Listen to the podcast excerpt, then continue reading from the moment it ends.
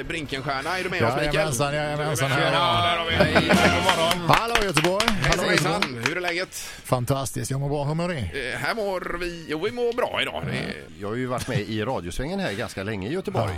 Och jag minns ju för på 90-talet där när du kom upp, vi var nästan rädda för dig alltså.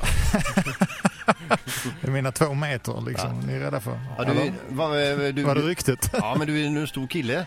Ja, jag är stor men jag har ett fantastiskt rykte bakom också. Jag har gjort så otroligt mycket i nöjesbranschen. Det är väl därför kanske som folk är tveksamma ibland. Ja, ja, just det. Ja, Men du är ju alltså- skandalomsusad får man ju minst sagt säga. Ja, jag har Mikael. upplevt mycket och eh, många skandaler. Jag levererar lite skandaler med nya ba- bok också, ett jävla liv. Jo, men jag jo. tänker inte bara det om eh, andra utan även om dig själv har det ju Ja. stått extremt mycket om svarta löner och folk som inte fått betalt och så. Va- Jaså? Hur ligger det till där? Nej, det där vet jag ingenting om.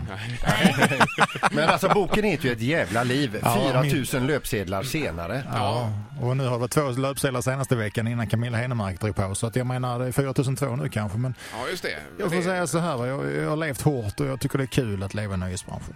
Men, men du, kan, du- kan du eh, lite grann sätta fler ord på det här med att leva hårt för, och förklara liksom Ja, hur... det är hur- inte droger och alkohol utan det- jag upplever mycket saker med andra människor, hur de beter sig och hur de eh, utformar sin vardag tillsammans med mig. Och mycket av det har jag tagit upp i min bok här då. Ja. Vad handlar boken om då? Boken handlar om mitt liv och mina misslyckanden och andras misslyckanden tillsammans med mig. Ja, Och just det. även vinster. Ja. Eh, skandaler, löpsedlar och lite konkurser och... Ja. Eh, Sen avslutar jag med belastningsregistret på sista sidorna. Eh, ja, Ja, just det. Mitt För om man eget. läser lite runt omkring i- om den så är det ju, me- står det ju mest om andra personer som du hänger ut. Nej, om det man gör kan det säga inte. så i boken. Men handlar det även om, som sagt, hänger du ut dig själv också? Ja, jag tar mig själv på en riktig runda och ger mig en, en ordentlig omgång. Två feta smällar ungefär. Ja, men det, det, den, den uppfattningen får man när man läser om boken här att Ja. du, eh, du är, det är en ganska eh, duktig självrannsakning också. Ja, och det var svårt att göra det kan jag säga. Det är väldigt svårt hur man ska gå på gränsen och hur mycket man vågar lämna ut av sig själv. Men jag tänkte det, har, har jag nu lämnat ut andra så måste jag liksom köra hela vägen själv.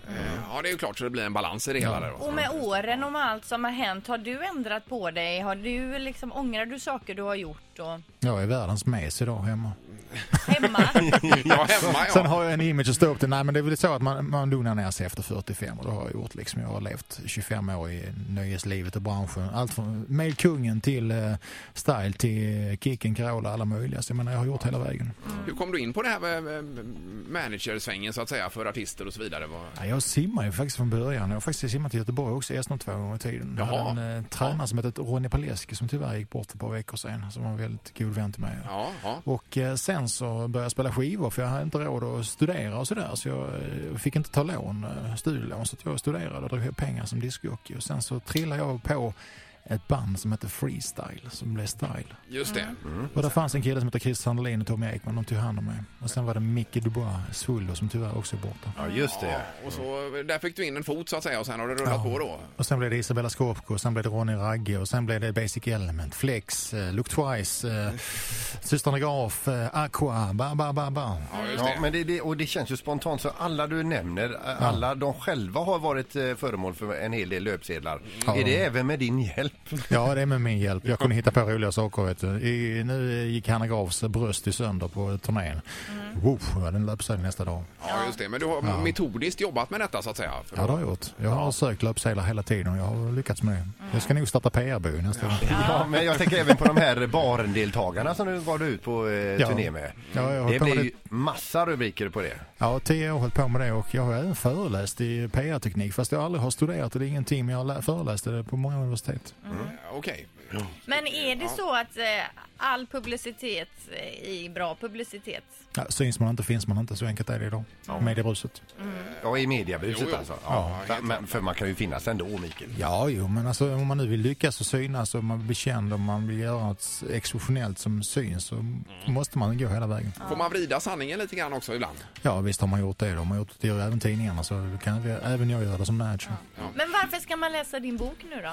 Man ska läsa boken därför att den är enkel, ett nytt sätt att skriva på. Det tar en och en halv timme att läsa den. Den som inte har läst en bok tidigare kommer att läsa den här garanterat. Ja, Jag har inte gjort den inbunden. Jag har bara kört den på Pressbyrån, alla sådana ställen där det finns vanliga människor som läser vanliga böcker och tycker det är roligt att uppleva lite kändisar. så. Ja, och samtidigt som du tvättar ditt eget byk. Ja, jag tvättar mitt eget. Jag, jag, jag skiter nog med mig själv ganska mycket i boken men samtidigt så jag får väl kanske en annan respekt och visar också vilka alla jag har jobbat med. Ja, just det. För, eh, ja. för eh, återigen det här med respekt alltså. Vi var ju rädda för dig va? Ja. De Du har hör, ju du frågat. hör, ju- du hör ju vilken med så är det. Ett poddtips från Podplay. I fallen jag aldrig glömmer djupdyker Hasse Aro i arbetet bakom några av Sveriges mest uppseendeväckande brottsutredningar. Går vi in med hemlig telefonavlyssning och, och då upplever vi att vi får en total förändring av hans beteende. Vad är det som händer nu? Vem är det som läcker? Och så säger han att jag är kriminell, jag har varit kriminell i hela mitt liv men att mörda ett barn, där går min gräns. Nya säsongen av Fallen jag aldrig glömmer på Podplay.